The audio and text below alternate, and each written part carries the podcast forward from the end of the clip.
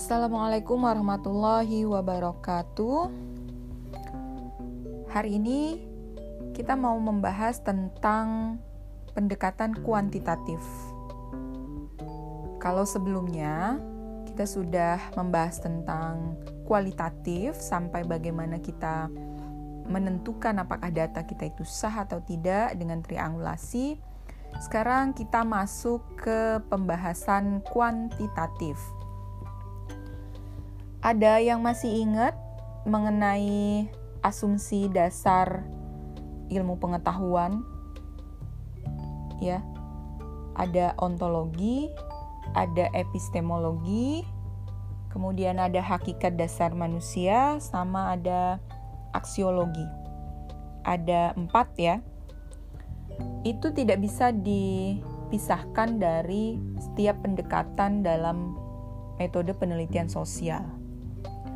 Kalau kita menggunakan istilah kuantitatif dan kualitatif, orang itu akan beranggapan bahwa penelitian kuantitatif adalah penelitian yang hasilnya menyajikan angka-angka atau sesuatu yang bisa dihitung dan juga sesuatu yang sekedar presentase gitu.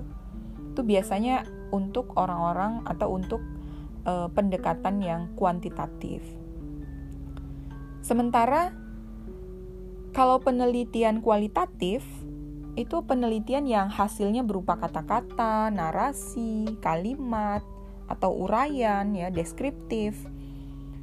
Itu sudah sudah di pikiran orang dan di pikiran siapa pun bahwa itulah batasan-batasan umum dari pendekatan kuantitatif dan juga pendekatan kualitatif. Nah, tapi yang mau saya tekankan di sini uh, setiap pendekatan itu memiliki asumsi dasar yang beda-beda gitu. Nah, asumsi dasarnya ini apa sebenarnya? Kita balik lagi ke empat asumsi dasar yang sebelumnya. Saya sudah jelaskan dengan teks ya. Saya sudah jelaskan dengan uh, proses diskusi kita bagaimana agar kita memahami apa itu ontologi, epistemologi, kemudian hakikat dasar manusia, dan juga aksiologi. Kenapa kalau kita mau melakukan penelitian, itu kita harus clear dulu tentang asumsi-asumsi itu. Kenapa? Karena itu adalah pondasi pikiran-pikiran atau pondasi setiap orang. Pondasi ketika kita ingin mengidentifikasi suatu ilmu pengetahuan, kita itu pasti terbingkai dan juga dipengaruhi oleh empat hal itu. Kita bahas satu-satu ya. Yang pertama itu ontologi. Kalau di slide yang sudah saya berikan bahwa ontologi itu adalah gejala sosial. Oke, kita paham semua gejala sosial itu apa? Paham kan? Gejala sosial itu adalah fenomena yang nyata. Misal, ada pandemi virus, jadi kalau semakin banyak uh, yang te, apalagi kalau virus itu menular, menular dari manusia ke manusia, sehingga realitasnya kita harus uh, menghindari yang namanya kontak dengan manusia dengan manusia itu. Nah, kalau virusnya berbahaya, jadi kita sebaiknya menghindari dan kita harus di rumah aja. Itu suatu gejala sosial. Gitu. Misal lagi apa? Yang paling umum, macet, kemacetan. Macet tuh kenapa sih? Karena fenomenanya macet itu di jalanan, banyak mobil, banyak motor, tidak bisa lewat. Itu macet. Atau mobil, motor di jalanan yang dia berhenti dalam kondisi yang hidup, mobil atau motornya gitu. Tapi kalau mobil, motor ada di parkiran yang juga jumlah mobil motornya itu berderet, itu bukan macet, itu parkir namanya gitu. Nah, jadi kita memahami gejala sosial. Saya saya yakin uh, kalian semua paham gejala sosial itu seperti apa, fenomena sosial itu seperti apa. Saya yakin kalian paham. Tuh ya. Jadi uh, karena bahasan kita tentang kuantitatif ini, saya ingin lebih banyak menyajikan porsi contoh dan juga misal tentang pandangan kuantitatif itu. Kalau orang yang menggunakan pendekatan kuantitatif melihat gejala sosial itu nyata. sesuai dengan panca indera yang dilihatnya. Ya. Tapi, misal kalau seseorang itu kehilangan uang, misal nih ya, kalau seseorang itu kehilangan uang karena isunya diambil tuyul. Nah, ini untuk orang kuantitatif itu nggak bisa terima karena orang kuantitatif tidak bisa melihat tuyul itu apa, ya. Gejala sosial yang tidak bisa diukur dengan mata kepala atau dilihat dengan mata kepala itu bagi orang kuantitatif ya sesuatu yang tidak bisa untuk diambil kesimpulannya, tidak bisa untuk dilanjutkan, gitu, tidak bisa untuk dijadikan ilmu pengetahuan tuh nggak bisa, ya. Jadi kalau kehilangan uang karena diambil tuyul, orang kuantitatif nggak bisa untuk meneliti itu.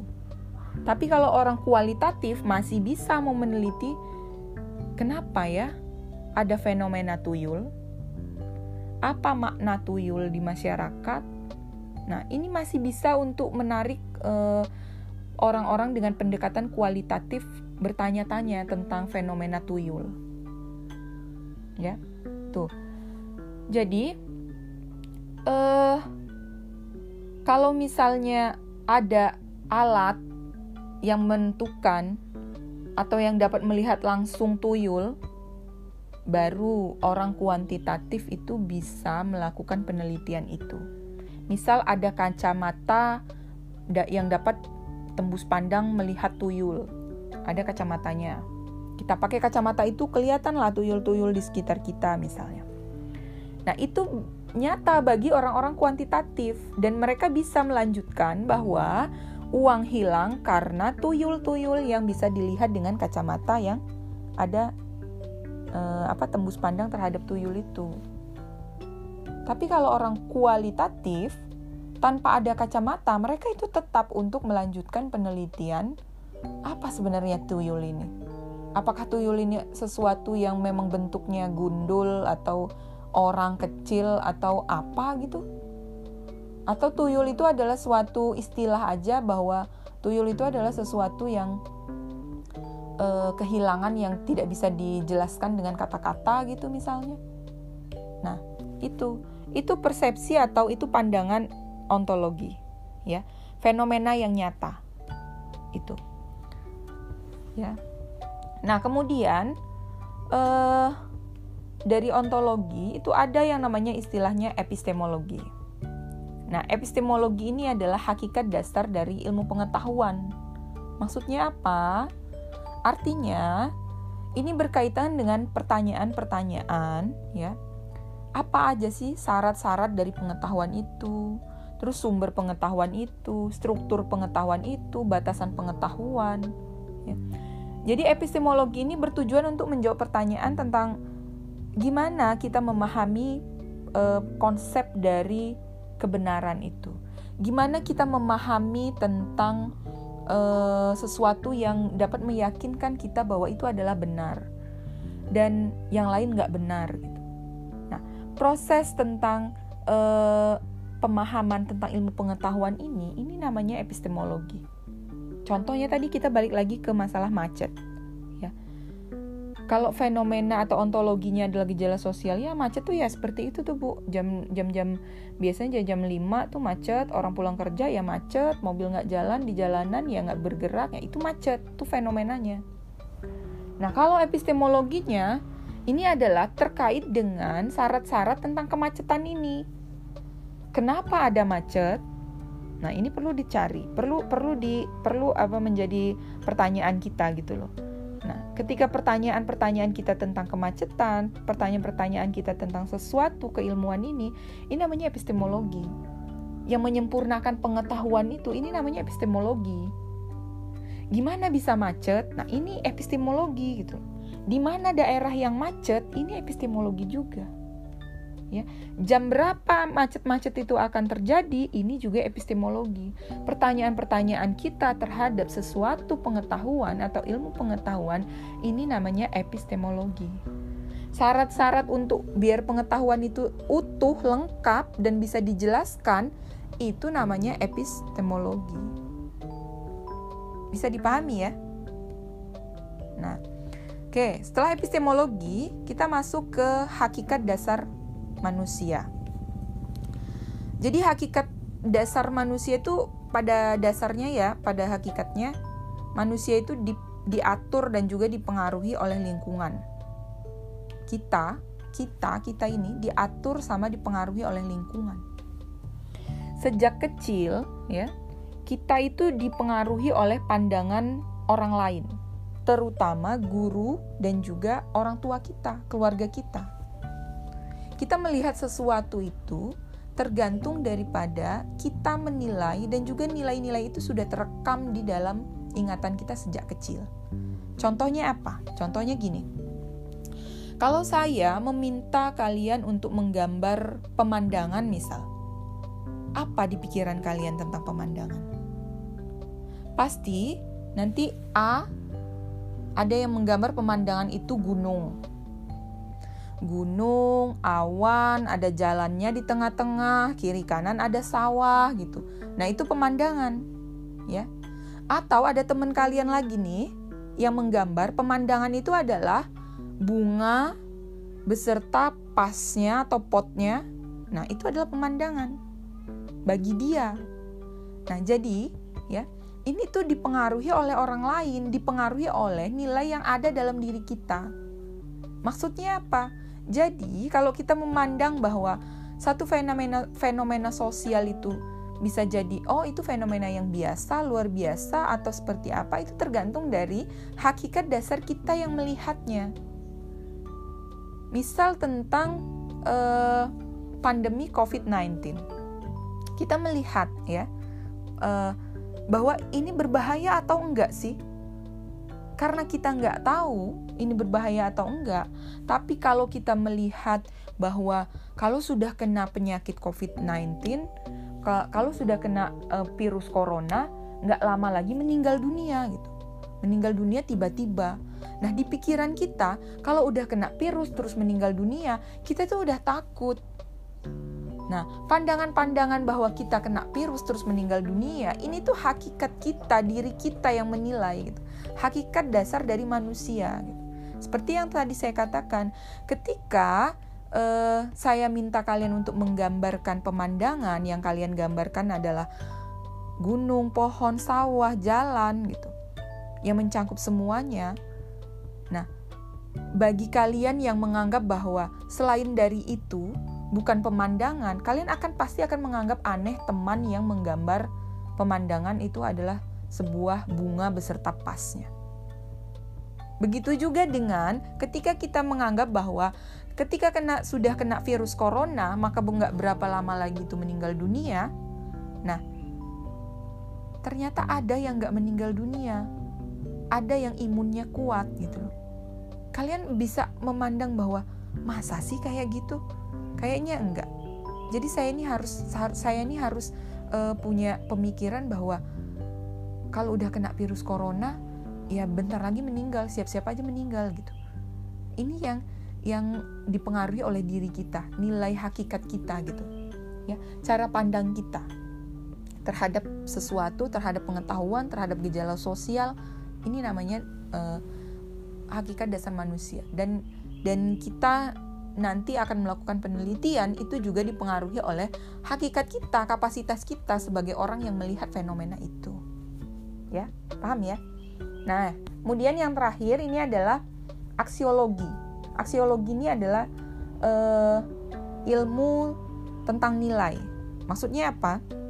Maksudnya ketika kita melakukan penelitian, terutama pendekatan kuantitatif, itu didasarkan pada nilai tentang uh, tujuan kita menjelaskan suatu gejala, menemukan hukum yang universal, ya, atau tentang bagaimana pendekatan kita mencari penjelasan kenapa sih peristiwa ini terjadi, pola-pola apa yang sudah ada gitu. Kemudian jika polanya sudah ada, tidak dapat uh, apa namanya tidak bisa kita pakai lagi untuk menjelaskan kejadian yang ada, maka akan dicari pola-pola yang baru. Ya, sehingga dapat menerangkan eh, kejadian-kejadian uh, tersebut. Artinya kita itu melihat sesuatu itu berdasarkan pada tujuan kita terhadap fenomena itu. Kita ingin mengurai apa dari fenomena itu? Ketika kita melihat bahwa oh fenomena kemacetan, ya kita lihat dari pola-pola bagaimana e, cara menguraikan kemacetan. Kita cuma ingin melihat cara mengurai kemacetan. Ketika ada penelitian atau ada riset yang mengatakan bahwa cara mengurai kemacetan adalah dengan membangun flyover dan itu tidak terjadi tidak terbukti bahwa mengurai uh, flyover dapat mengurai kemacetan, maka ya kita akan mencari nilai yang lain. Nilai dari kemacetan itu yang lain. Kita akan mencari bahwa ternyata uh, mengurai kemacetan itu nggak melulu dengan menyiapkan atau melebarkan jalan atau membuat infrastruktur yang baru tuh, tuh, tuh ternyata tidak perlu seperti itu. Ternyata ada nilai yang lain loh gitu. Ternyata mengurai kemacetan itu bisa dengan pendidikan atau edukasi kepada masyarakat. Ya, nggak perlu melebarkan jalan, tapi kita perlu untuk memberikan pendidikan kepada masyarakat, mengedukasi kepada masyarakat bahwa ya kalau misalnya nggak penting-penting amat bawa mobil, nggak usahlah bawa mobil. Kalau misalnya jam 5 ini adalah banyak uh, anak sekolah yang pulang sekolah, yang harus dijemput pakai mobil, kalau bisa ya adakan misalnya eh, pendidikan bahwa di jam-jam tersebut tidak usah membawa mobil yang kapasitasnya besar. Bawalah mobil-mobil yang kapasitasnya kecil mungkin ya. Atau di jam-jam itu bawalah misalnya edukasi, kita memberikan edukasi bawa motor aja ya karena di jam-jam tersebut adalah jam-jam macet atau yang lainnya. Jadi tergantung pada tujuan kita melihat uh, tujuan kita untuk melakukan penelitian atau tujuan kita untuk melihat pengetahuan tersebut. Itu. Jadi paham ya empat ini ontologi, bagaimana kita melihat fenomena, bagaimana fenomena itu kita bisa rasakan atau tidak dengan panca indera kita, bisa kita konstruksikan atau bisa kita identifikasi atau enggak fenomena sosial itu ya.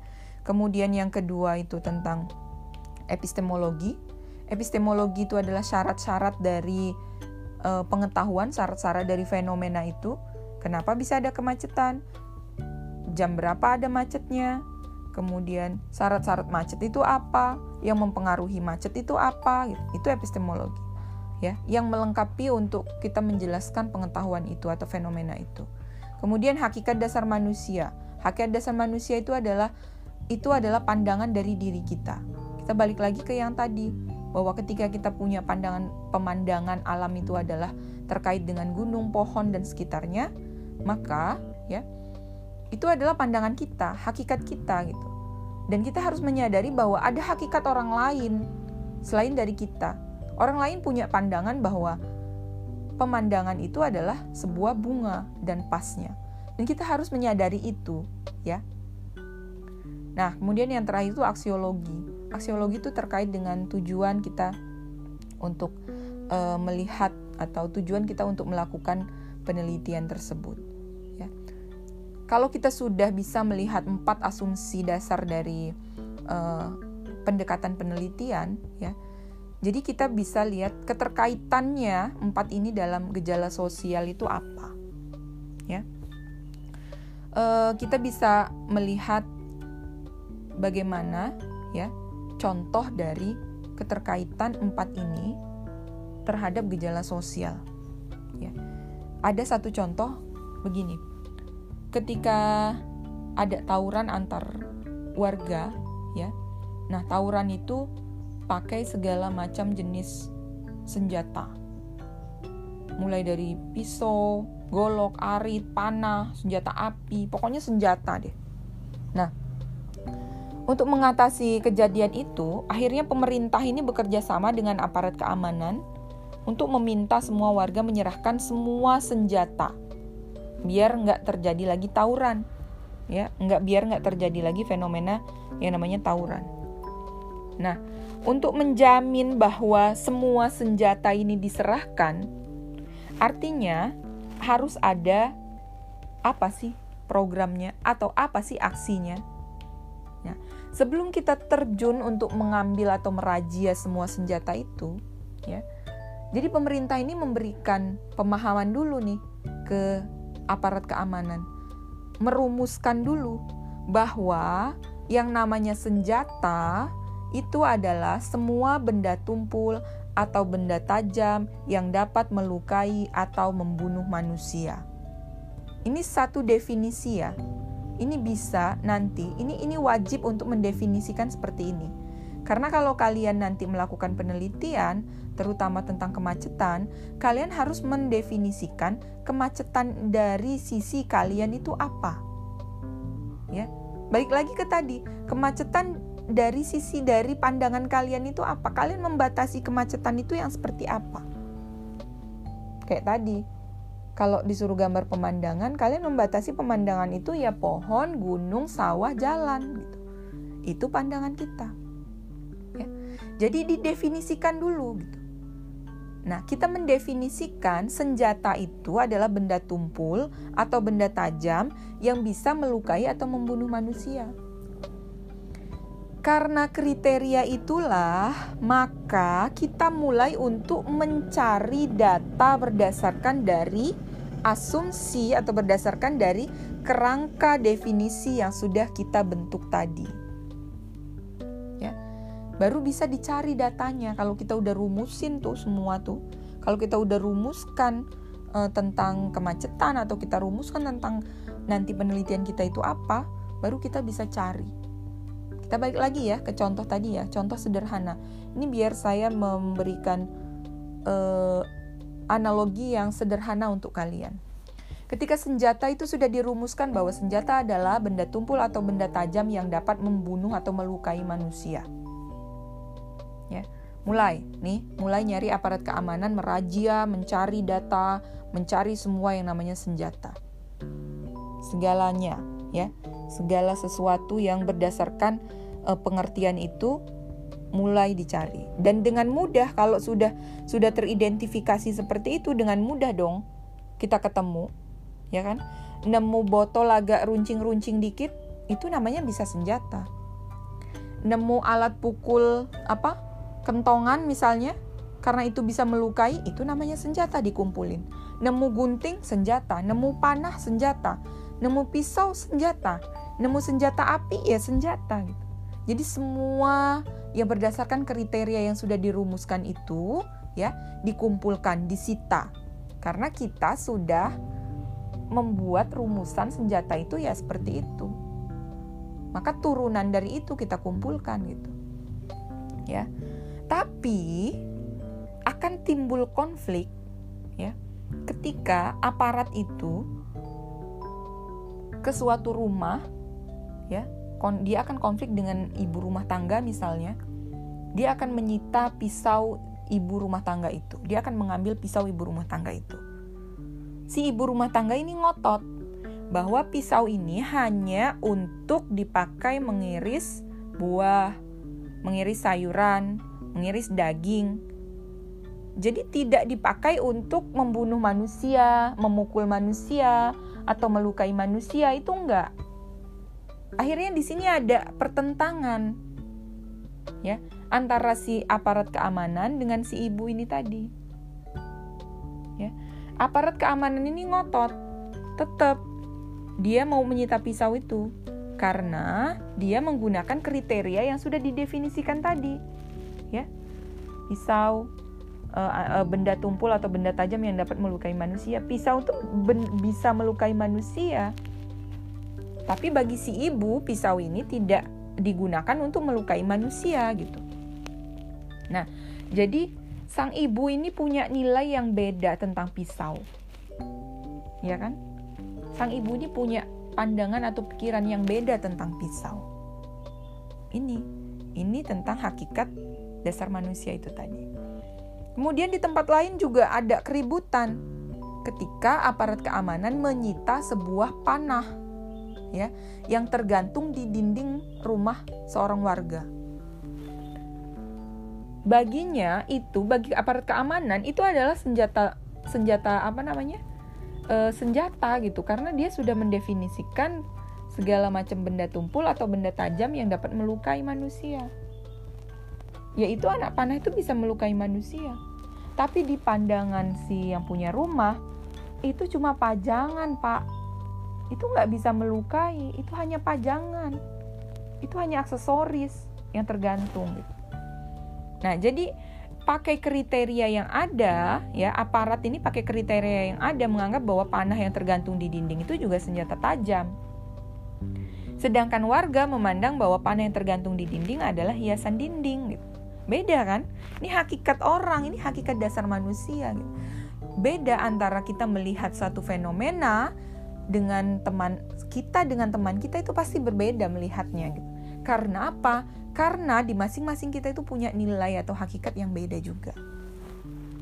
Inilah kenapa ketika kita melihat bahwa uh, kebijakan publik bisa kita teliti, kita mau meneliti kebijakan publik, kita bisa melihat dari berbagai aspek. Jadi jangan khawatir ketika ada teman yang neliti kebijakan publik, ya kamu udah kebijakan publik ya, terus saya mau neliti apa lagi gitu. Jangan, karena ada sisi lain loh ada sisi lain yang bisa kita lihat selain dari penglihatan si teman kita ini. Kita bisa lihat dari sisi formulasi kebijakannya. Kita bisa lihat dari sisi evaluasinya. Sementara di sana teman kita melihat dari sisi dampaknya, dampak kebijakan itu. Nah, beda kan? Beda. Inilah kenapa asumsi dasar ini mempengaruhi nanti dalam proses metode penelitian sosial. Ya. Tuh. Jadi secara ontologi dari kasus-kasus tadi, secara ontologi ya, eh, gejala yang ada itu merupakan sesuatu yang nyata. Senjata itu adalah sesuatu yang nyata. Senjata itu sesuatu yang nyata. Kemudian didefinisikan, kemudian secara epistemologi kemudian itu bisa dilihat, dirasakan, dipelajari, diidentifikasi, dikelompokkan gitu.